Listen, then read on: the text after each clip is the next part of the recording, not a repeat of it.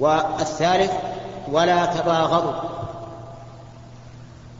أي لا يبغض بعضكم بعضا. وهذا بالنسبة للمؤمنين بعضهم مع بعض. فلا يجوز للإنسان أن يبغض أخاه أن يكرهه في قلبه لأنه أخوه. ولكن لو كان هذا الأخ من العصاة الفسقة فإنه لا يجوز لك أن تبغضه من أجل فسقه أن تبغضه بغضا مطلقا لكن أبغضه على ما فيه من معصية وأحبه على ما فيه من الإيمان. ومن المعلوم أننا لو وجدنا رجلا مسلما يشرب الخمر ويشرب الدخان ويجر ثوبه خيلاء فإننا لا نبغضه كما نبغض الكافر. فمن أبغضه كما يبغض الكافر فقد انقلب على وجهه. كيف تسوي بين مؤمن عاصي فاسق وبين كافر؟ هذا خطأ عظيم. ربما بعض الناس يكره المؤمن الذي عنده هذا الفسق أكثر مما يكره الكافر. وهذا والعياذ بالله من انقلاب الفطرة. المؤمن مهما كان خير من الكافر. فأنت أبغضه على ما معه من المعصية على ما فيه من المعصية وأحبه على ما معه من الإيمان. فإن قلت كيف يجتمع حب وكراهة في شيء واحد؟ فالجواب نعم يمكن. يجتمع حب وكراهة في شيء واحد. أرأيت لو أن الطبيب وصف لك دواء مرا منتن الرائحة ولكن قال اشربه وتشفى بإذن الله. فهل أنت تحب هذا الدواء؟ على سبيل الإطلاق لا لأنه مر وخبيث الرائحة. لكن تحبه من جهة أنه سبب للشفاء وتكرهه لما فيه من الرائحة الخبيثة والطعم المر. هكذا المؤمن العاصي. أحبه على ما معه من الإيمان وأكرهه على ما معه من المعاصي. ولا تكرهه مرة. ثم إن كراهتك إياه. لا توجب أن تعرض عن نصيحته. انصح قد تقول أنا ما أتحمل إني أواجه هذا الرجل. أكره منظرة. اغصب نفسك. نقول اغصب نفسك. اغصب نفسك واتصل به وانصح ولعل الله أن ينفعه على يدك. ولا تيأس. كم من إنسان استبعد الإنسان أن يهديه الله فهداه الله عز وجل. والأمثال على هذا كثيرة. في وقتنا الحاضر وفيما سبق. في وقتنا الحاضر يوجد أناس فسقة. يسر الله لهم من يدعوهم إلى الحق فاهتدوا. وصاروا أحسن من الذي دعاهم. وفيما سبق من الزمان أمثلة كثيرة. فهذا خالد بن الوليد رضي الله عنه كان سيفا مسنونا على المسلمين. ومواقف ومواقفه في أحد مشهورة. حيث كر هو وفرسان من من قريش على المسلمين من عند الجبل وحصل ما حصل.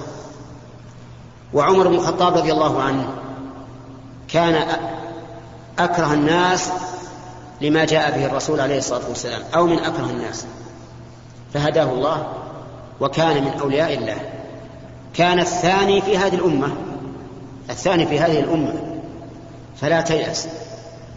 لا تقول والله هذا الرجل أنا لا أطيقه منظرا ولا مسمعا ولا يمكن أذهب إليه. اذهب. ولا تيأس فالقلوب بيد الله عز وجل. نسأل الله أن يهدينا ويأخذ صراطه المستقيم. فإن قال قائل البغض انفعال في النفس. والأشياء الانفعالية قد لا يطيقها الإنسان.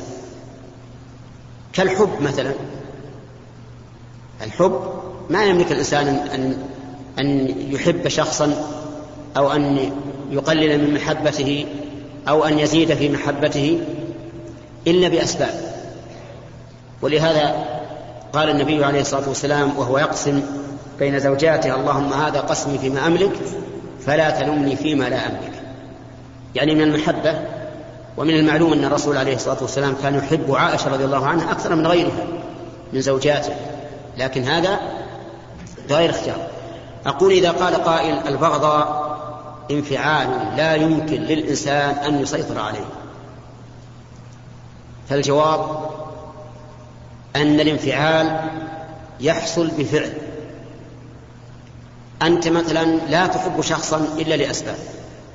إيمانه نفعها الخلق حسن خلقه خدمته لك أي أشياء كثيرة. اذكر هذه الأسباب فتحبه. ولا تكره شيئا شخصا إلا لسبب. اذكر الأسباب التي توجب الكراهة فتكرهه لكن مع ذلك ينبغي للإنسان أن يعرض عن الأسباب التي توجب البغض مع أخيه. لأن النبي صلى الله عليه وآله وسلم قال لا تباغض لكني أقول إن البغضاء لها أسباب والمحبة لها أسباب. فإذا أعرضت عن أسباب البغضاء وتناسيتها وغفلت عنها زالت بإذن الله. هذا هو الذي أراد النبي عليه الصلاة والسلام بقوله لا تباغض. وهو نظير قوله للرجل الذي قال يا رسول الله أوصني أوصني. قال لا تغضب. قال أوصني. قال لا تغضب. قال أوصني قال لا تغضب. ردة مرارا قال لا تغضب. الغضب قد يقول الإنسان إنه جمرة يلقيها الشيطان في قلب ابن آدم كما جاء في الحديث. فلا سبيل له إلى إلى إخماده. ونقول بل له سبيل.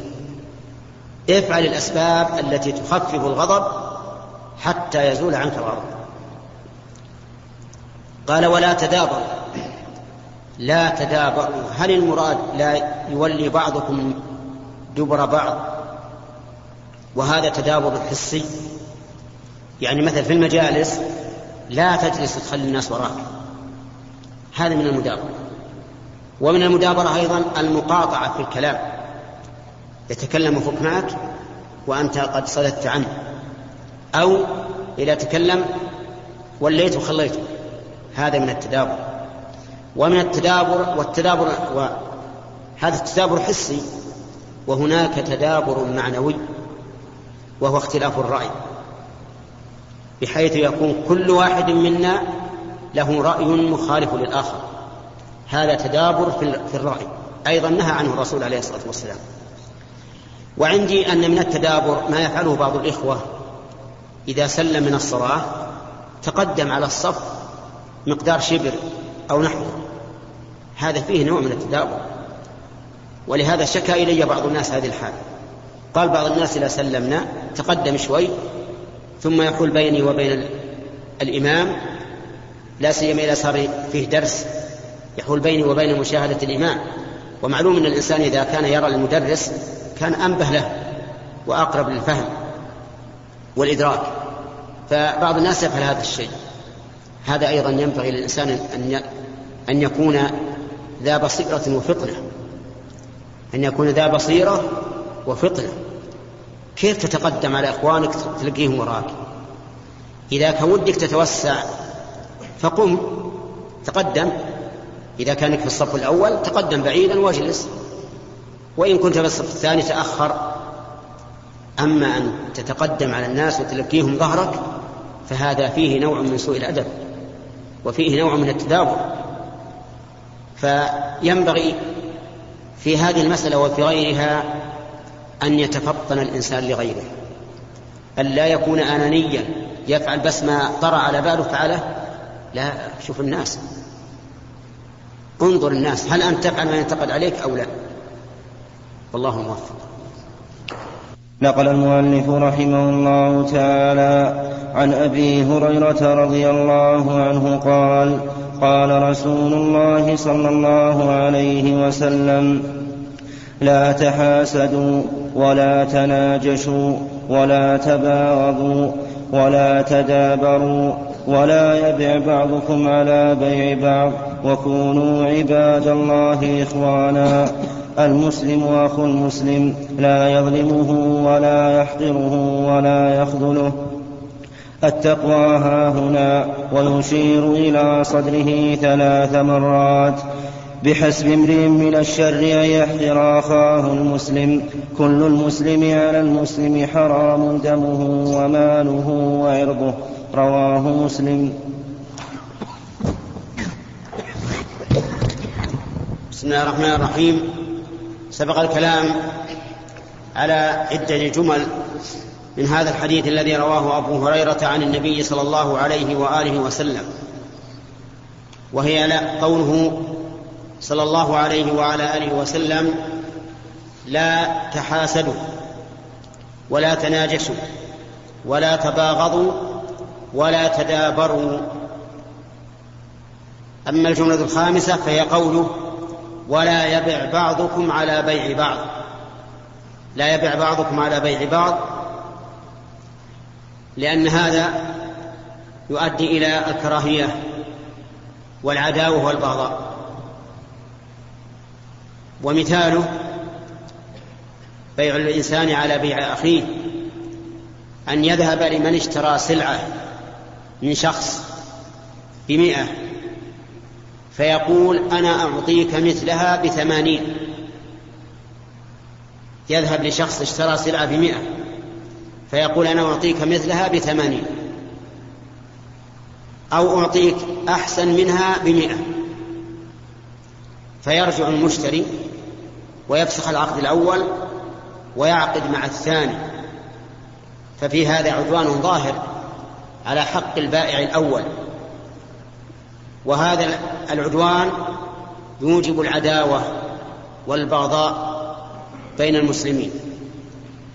ومثل ذلك الشراء على شرائه. الشراء على شرائه مثل أن يذهب إلى شخص باع سلعة بمئة فيقول له أنا أشتريها منك بمئة وعشرين. أنا أشتريها منك بمئة وعشرين. فيذهب البائع ويفسخ العقد ويبيع على الثاني.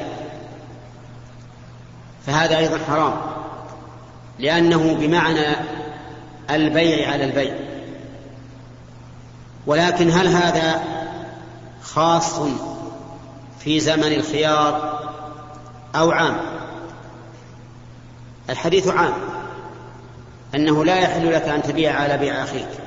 سواء في زمن الخيار أو لا. وقال بعض العلماء إنه محمول على ما إذا كان ذلك في زمن الخيار.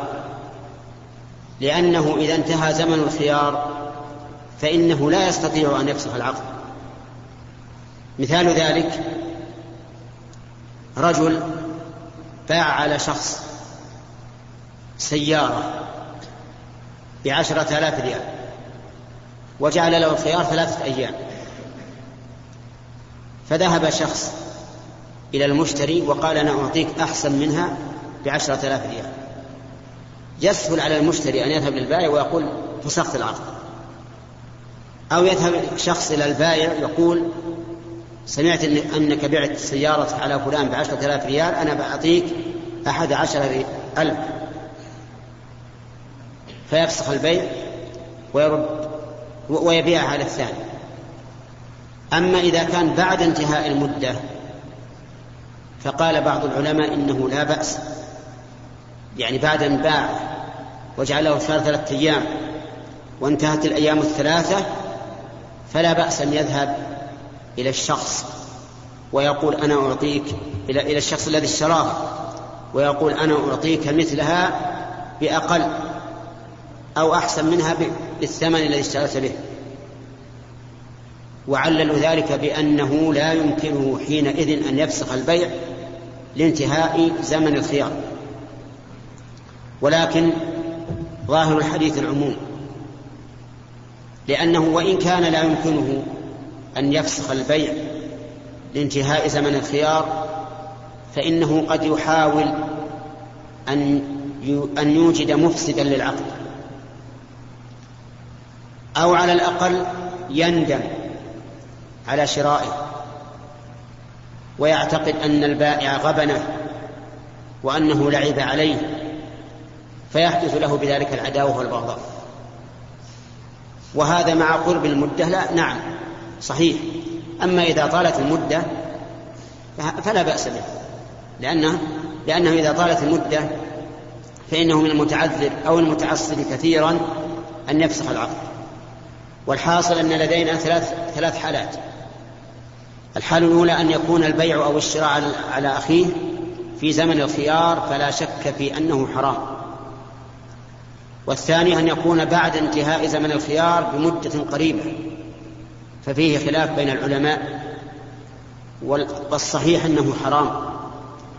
والحال الثالثة أن يكون بعد زمن بعيد كشهر وشهرين وأكثر فهذا لا بأس به. ولا حرج فيه لأن الناس يتبادلون السلع فيما بينهم على هذا الوجه وعلى وجوه أخرى. ومثل ذلك الإجارة على إيجاره. الإجارة على إجارته مثل أن يذهب شخص إلى آخر استأجر بيتا من إنسان السنة بألف ريال. وقال له أنا عندي لك بيت أحسن منه ثمانمائة ريال. هذا حرام لأنه عدوان. كالبيع على بيعه. ومثل ذلك أيضا السوم على سومه وقد جاء ذلك صريحا فيما رواه مسلم. يسوم على سومه يعني إذا سام شخص سلعة من آخر وركن إليه صاحب السلعة ولم يبق إلا العقد. مثل أن يقول بعها علي بألف فيركن إليه البائع ولكن لم يتم العقد يعني يجزم على أنه يبيع عليه فيأتي إنسان آخر ويقول أنا أعطيك بها ألفا ومئة فإن هذا لا يجوز لأن النبي صلى الله عليه وسلم قال لا يسم على سوم أخيه ومثل ذلك أيضا في النكاح. إذا خطب شخص من آخر فلا يحل لأحد أن يخطب على خطبته. لقول النبي صلى الله عليه وآله وسلم ولا يخطب على خطبة أخيه. وكل هذا احتراما لحقوق المسلمين بعضهم على بعض. فلا يحل للإنسان أن يعتدي على حق إخوانه لا ببيع ولا شراء ولا إجارة ولا سوم ولا نكاح ولا غير ذلك من الحقوق. والله موفق. الرحمن الرحيم. الحمد لله رب العالمين والصلاة والسلام على نبينا محمد وعلى آله وصحبه أجمعين. نقل المؤلف رحمه الله تعالى عن أبي هريرة رضي الله عنه قال قال رسول الله صلى الله عليه وسلم لا تحاسدوا ولا تناجشوا ولا تباغضوا ولا تدابروا ولا يبع بعضكم على بيع بعض وكونوا عباد الله إخوانا. المسلم أخو المسلم لا يظلمه ولا يحقر ولا يحقره ولا يخذله. التقوى ها هنا ويشير إلى صدره ثلاث مرات بحسب امرئ من الشر أن يحقر أخاه المسلم. كل المسلم على المسلم حرام دمه وماله وعرضه. رواه مسلم. الرحمن الرحيم. تقدم الكلام على هذا الحديث على أكثره. وبقي قوله عليه الصلاة والسلام التقوى ها هنا ويشير إلى صدره وقد سبق لنا معناه وأن المعنى أن التقوى في القلب فإذا اتقى القلب اتقت الجوارح وإذا زاغ القلب زاغت الجوارح والعياذ بالله. قال الله تعالى فلما زاغوا أزاغ الله قلوبهم والله لا يهدي القوم الفاسقين. واعلم أن زيغ القلب لا يكون إلا بسبب الإنسان. إذا كان الإنسان يريد الشر ولا يريد الخير فإنه يزيغ قلبه والعياذ بالله. ودليل هذا قوله تعالى فلما زاغوا أزاغ الله قلوبهم. وقوله تعالى يا أيها النبي قل لمن في أيديكم من الأسرى إن يعلم الله في قلوبكم خيرا يؤتكم خيرا مما أخذ منكم ويغفر لكم. والله غفور رحيم. فإذا علم الله من, من, العبد نية صالحة وإرادة للخير يسر الله له ذلك. وأعانه عليه. قال الله تعالى فأما من أعطى واتقى وصدق بالحسنى فسنيسره لليسرى. يقول عليه الصلاة والسلام بحسب امرئ من الشر أن يحقر أخاه المسلم. يعني لو لم يكن للإنسان من الشر إلا أن يحقر أخاه المسلم لكان كافيا. وهذا يدل على كثرة إثم من حقر إخوانه المسلمين لأن الواجب على المسلم أن يعظم إخوانه المسلمين ويكبرهم ويعتقد, له ويعتقد لهم منزلة في قلبه وأما احتقارهم وازدراؤهم فإن في ذلك من الإثم ما يكفي نسأل الله السلامة. كل المسلم على المسلم حرام دمه وماله وعرضه. يعني أن المسلم حرام على المسلم في هذه الأمور الثلاثة في كل شيء. لأن, لأن هذه الأمور الثلاثة تتضمن كل شيء. الدم كالقتل والجراح وما أشبهه. والعرض كالغيبة. والمال كأكل المال. وأكل المال له طرق كثيرة. منها السرقة. ومنها الغصب وهو أخذ المال قهرا ومنها أن يجحد ما عليه من الدين لغيره ومنها أن يدعي ما ليس له وغير ذلك. فكل هذه الأشياء حرام يجب على المسلم أن يحترم أخاه في ماله ودمه وعرضه. والله موفق. الحمد لله رب العالمين. والصلاة والسلام على نبينا محمد وعلى آله وصحبه أجمعين. نقل المؤلف رحمه الله تعالى عن أنس بن مالك رضي الله عنه عن النبي صلى الله عليه وسلم قال لا يؤمن أحدكم حتى يحب لأخيه ما يحب لنفسه. متفق عليه. وعنه رضي الله عنه قال قال رسول الله صلى الله عليه وسلم انصر أخاك ظالما أو مظلوما. فقال رجل يا رسول الله أنصره إذا كان مظلوما. أرأيت إن كان ظالما كيف أنصره؟ قال تحجزه أو تمنعه من الظلم فإن ذلك نصره. رواه البخاري. قال الله تعالى فيما نقله عن انس بن مالك رضي الله عنه أن النبي صلى الله عليه وسلم قال لا يؤمن أحدكم حتى يحب لأخيه ما يحب لنفسه. لا يؤمن يعني لا يكون مؤمنا حقا تام الإيمان إلا بهذا الشرط أن يحب لأخيه ما يحب لنفسه من الخير وما يحب لنفسه من ترك الشر. يعني ويكره لأخيه ما يكره لنفسه. هذا هو المؤمن حقا. وإذا كان وإذا كان الإنسان يعامل إخوانه هذه المعاملة فإنه لا يمكن أن يغشهم ولا يخونهم ولا يكذب عليهم ولا يعتدي عليهم. كما أنه لا يحب أن يفعل به مثل ذلك. وهذا الحديث يدل على أن من كره لأخيه ما يحبه لنفسه أو أحب لأخيه ما يكرهه لنفسه فليس بمؤمن. يعني ليس بمؤمن كامل الإيمان. ويدل على أن ذلك من كبائر الذنوب. إذا أحببت لأخيك ما تكره لنفسك أو كرهت له ما تحب لنفسك. وعلى هذا فيجب عليك أخي المسلم أن تربي نفسك على هذا على أن تحب لإخوانك ما تحب لنفسك حتى تحقق الإيمان. وصح عن النبي صلى الله عليه وآله وسلم أنه قال من أحب أن يزحزح عن النار ويدخل الجنة فلتأته منيته وهو يؤمن بالله واليوم الآخر.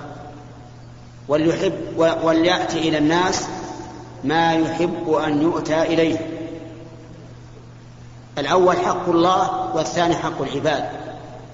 تأتيك المنية وأنت تؤمن بالله واليوم الآخر. نسأل الله أن يجعلنا وإياكم كذلك. وأنت وأن تحب أن وأن تأتي لأخيك ما تحب أن يؤتى إليك. وأما حديث أنس الثاني فهو قول النبي صلى الله عليه وآله وسلم انصر أخاك ظالما أو مظلوما. النصر بمعنى الدفاع عن الغير أي دفع ما يضره. انصر أخاك أي ادفع ما يضره سواء كان ظالما أو مظلوما. فقال رجل يا رسول الله أرأيت إن كان ظالما فكيف أنصره؟ ولم يقل فلا أنصره قال كيف أنصره؟ يعني سأنصره لكن أخبرني كيف أنصره؟ قال تمنعه أو قال تحجزه عن الظلم فذلك نصره. إذا رأيت هذا الرجل يريد أن يعطي أحد من الناس نعم هذا نصر أن تمنعه أما إذا كان مظلوما فنصره أن تدافع عنه الظالم وفي هذا دليل على وجوب نصر المظلوم وعلى وجوب نصر الظالم على هذا الوجه الذي ذكره النبي صلى الله عليه وآله وسلم. نقل المؤلف رحمه الله تعالى عن أبي هريرة رضي الله عنه قال قال رسول الله صلى الله عليه وسلم حق المسلم على المسلم خمس. رد السلام وعيادة المريض واتباع الجنائز وإجابة الدعوة وتشميت العاطس متفق عليه. وفي رواية لمسلم حق المسلم على المسلم ست. إذا لقيته فسلم عليه وإذا دعاك فاجب وإذا استنصحك فانصح له وإذا عطس فحمد الله فشمت. وإذا مرض فعد وإذا مات فاتبعه قال المؤلف رحمه الله فيما نقله عن أبي هريرة رضي الله عنه في بيان حقوق المسلم على أخيه. وحقوق المسلم على أخيه كثيرة لكن النبي صلى الله عليه وآله وسلم أحيانا يذكر أشياء معينة من أشياء كثيرة عناية بها واحتفاء بها. فمن ذلك ما ذكره أبو هريرة رضي الله عنه عن رسول الله صلى الله عليه وآله وسلم. أنه قال حق المسلم على المسلم خمس. رد السلام يعني إذا سلم عليك فرد عليه واللفظ الحديث الثاني حق المسلم على المسلم ست إذا لقيته فسلم عليه. فهذان أمران.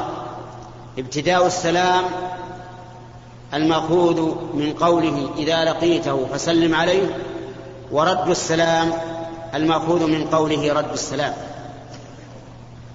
فابتداء السلام سنة مؤكدة. وإذا كان الحامل له الهجر كان حراما فيما زاد على ثلاثة أيام. أما في ثلاثة أيام فأقل فلا بأس أن تهجره. ومن المعلوم أن الإنسان لن يهجر أخاه إلا لسبب. فأجاز النبي عليه الصلاة والسلام للمسلم أن يهجر أخاه ثلاثة أيام فأقل لأن الإنسان بشر قد يكون في النفوس شيء لا يتحمل المرء. أن يسلم عليه أو أن يرد سلامه فرخص له في ثلاثة أيام فأقل. وابتداء السلام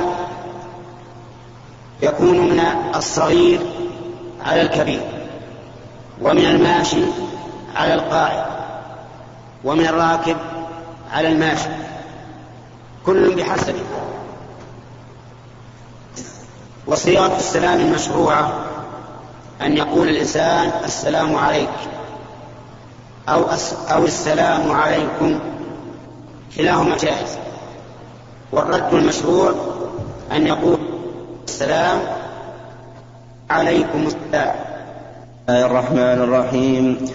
الحمد لله رب العالمين والصلاة والسلام على نبينا محمد وعلى آله وصحبه أجمعين.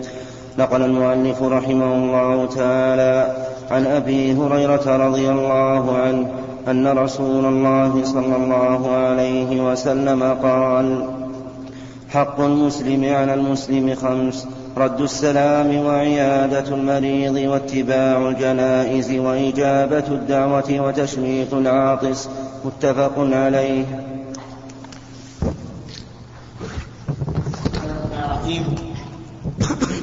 تقدم لنا أن النبي صلى الله عليه وسلم بين من الحقوق التي للمسلم على أخيه فمنها السلام ردا وابتداء. وسبق لنا شيء من الكلام على السلام وحكمه وأن ابتداءه سنة ورده فرض فرض عين على من قصد به وفرض كفاية إذا قصد به جماعة. فإنه يجزي رد أحدهم. والسلام حسنة من الحسنات. إذا قاله إذا قام به الإنسان فله عشر عشر أمثاله الحسنة بعشر أمثالها. يعني إذا سلمت على أخيك قلت السلام عليك فلك فلك عشر حسنات. أجرا باقيا تجده أحوج ما تكون إليه. ونحن نعلم أنه لو قيل لشخص كلما كلما لقيت أحدا فسلمت عليه فلك بكل تسليمة درهم واحد. لوجدت الإنسان يطلب الناس ليسلم عليه. ابتغاء هذا الدرهم الواحد. مع أن الدرهم الواحد يفنى ويزول. والأجر والثواب الباقي نجدنا عامل الله وإياكم بعفوه نجدنا فاترين فيه متهاونين فيه. فالذي ينبغي لك كلما لقي لقيك أحد من إخوانك المسلمين أن تسلم عليه.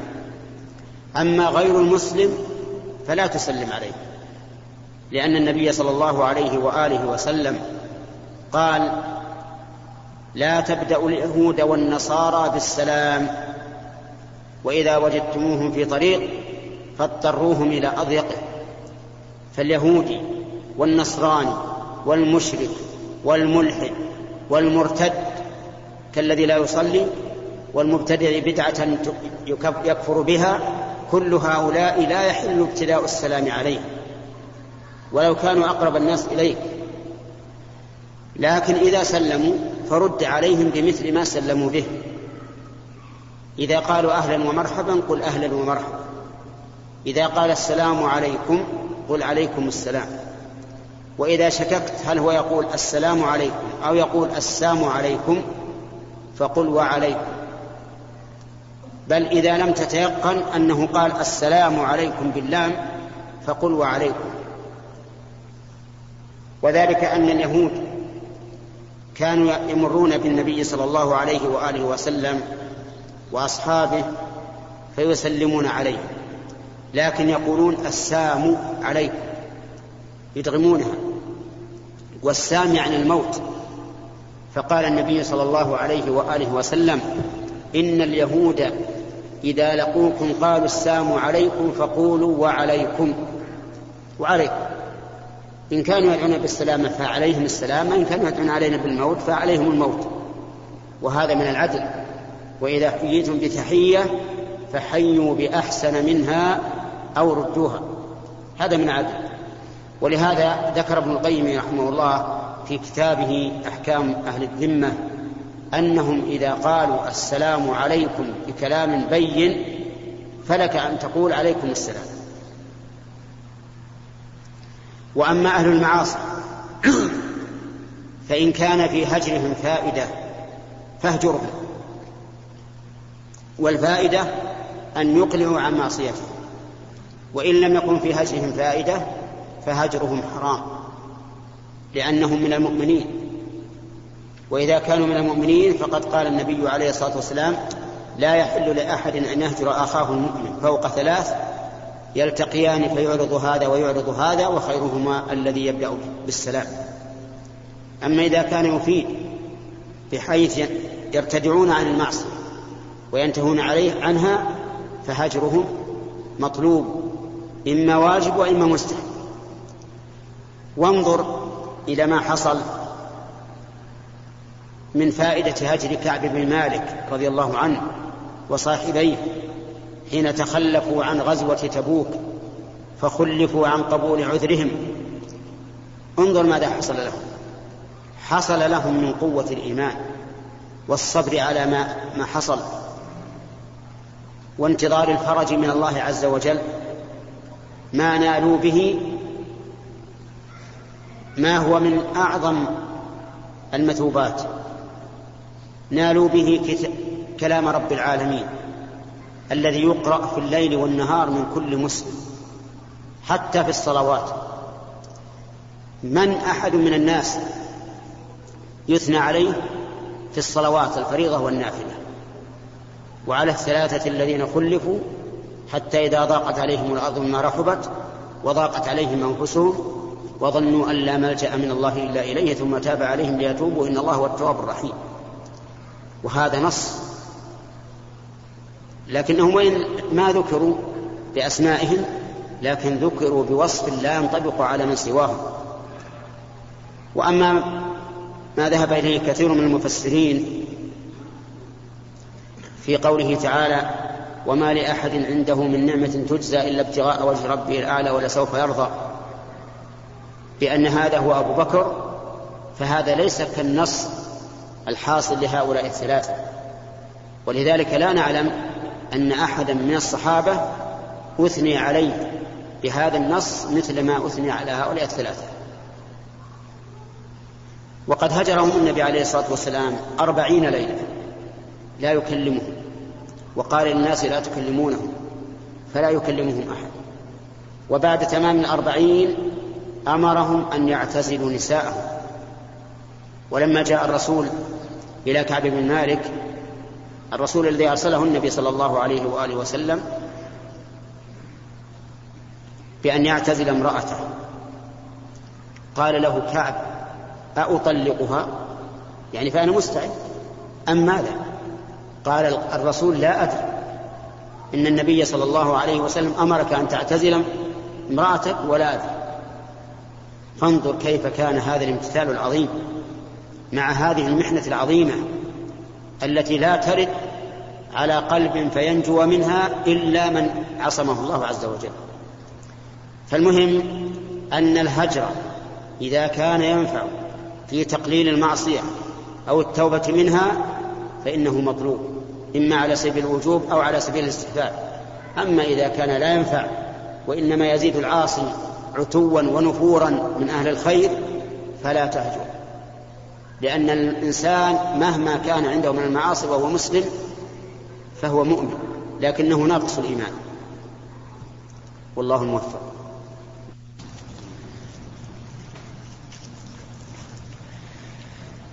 بسم الله الرحمن الرحيم. الحمد لله رب العالمين والصلاة والسلام على نبينا محمد وعلى آله وصحبه أجمعين. نقل المؤلف رحمه الله تعالى عن أبي هريرة رضي الله عنه أن رسول الله صلى الله عليه وسلم قال حق المسلم على المسلم خمس رد السلام وعيادة المريض واتباع الجنائز وإجابة الدعوة وتشميت العاطس. متفق عليه.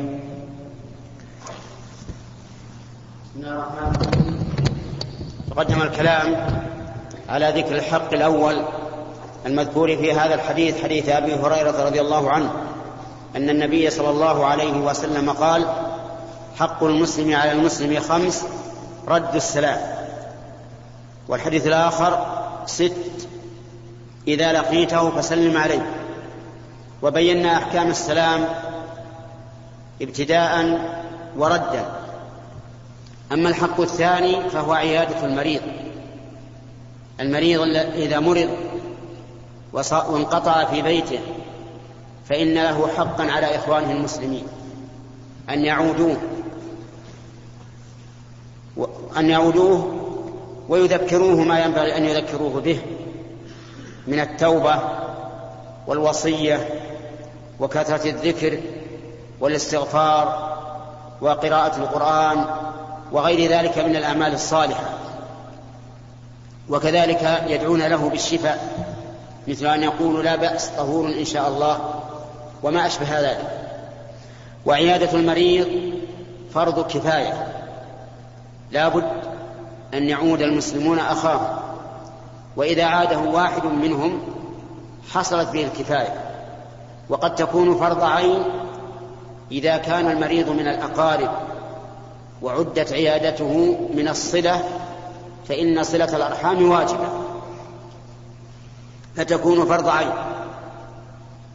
واعلم أن العلماء رحمهم الله ذكروا لعيادة المريض آدابا. منها أن لا يكثر محادثته وكيف أنت وكيف حالك وكيف نومك وكيف أكلك وما أشبه ذلك إلا إذا كان يأنس بهذا ويسر به. أما إذا كان يتضجر لأن بعض المرضى يتضجر ولا يحب أن يكثر أحد الكلام معه فإنك لا تكثر معه الكلام ولا تضجره بالمساءلات. كذلك قالوا ينبغي أن لا يكثر البقاء عنده المقام عنده. ويطيل لأنه قد يكون له حاجة مع أهله أو في نفسه ولا يحب أن يطيل الجلوس عنده أحد إلا إذا علمت أنه يستأنس بهذا ويفرح فإنك تنظر ما فيه المصلحة.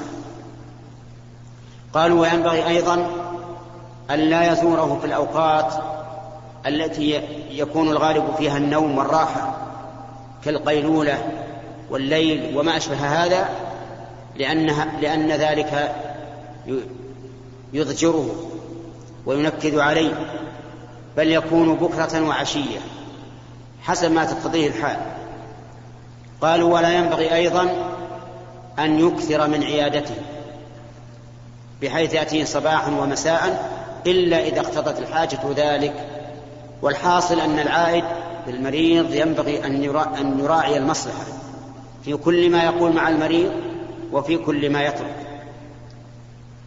ثم إنه إذا كان المرض مما يعلم أن أن له دواء معينا فينبغي أن تذكر له هذا الدواء.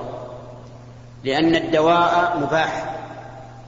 بل قد بل هو سنة إذا رجي نفعه وغلب على الظن لأن النبي صلى الله عليه وآله وسلم قال تداووا ولا تداووا بحرام. وكذلك ينبغي أن يسأله كيف يصلي لأن كثيرا من المرضى يجهل هل يصلي بالماء أو بالتيمم وهل يصلي كل صلاة في وقتها أو يجمع لأن هذا أمر مهم. قد يخفى على بعض المرضى. حتى إن بعض المرضى يظنون أنه إذا جاز لهم الجمع جاز لهم القصر وهم في بلاده. وهذه من من الأشياء التي يجب التنبه لها. نعم إذا كان المريض مسافرا في مستشفى في غير بلده فله أن يقصر ويجمع. أما إذا كان في بلده فلا يقصر. لكن إن إن شق عليه أن يصلي كل صلاة في وقتها فله الجمع ولو كان في بلده. لكنه جمع بلا قصر. لأن الجمع والقصر لا يتلازمان. قد يشرع القصر دون الجمع وقد يشرع الجمع دون القصر. وقد يشرعان جميعا. فالمسافر الذي يشق عليه أن يصلي الصلاة كل صلاة في وقتها بحيث يكون قد جد به السير يشرع له الجمع والقصر. والمسافر المقيم يشرع له القصر دون الجمع وإن جمع فلا بأس. والمقيم الذي يشق عليه الصلاة في كل وقت في كل وقت يشرع له الجمع دون القصر. والله الموفق قال المؤلف رحمه الله تعالى عن أبي هريرة رضي الله عنه أن رسول الله صلى الله عليه وسلم قال حق المسلم على المسلم خمس رد السلام وعيادة المريض واتباع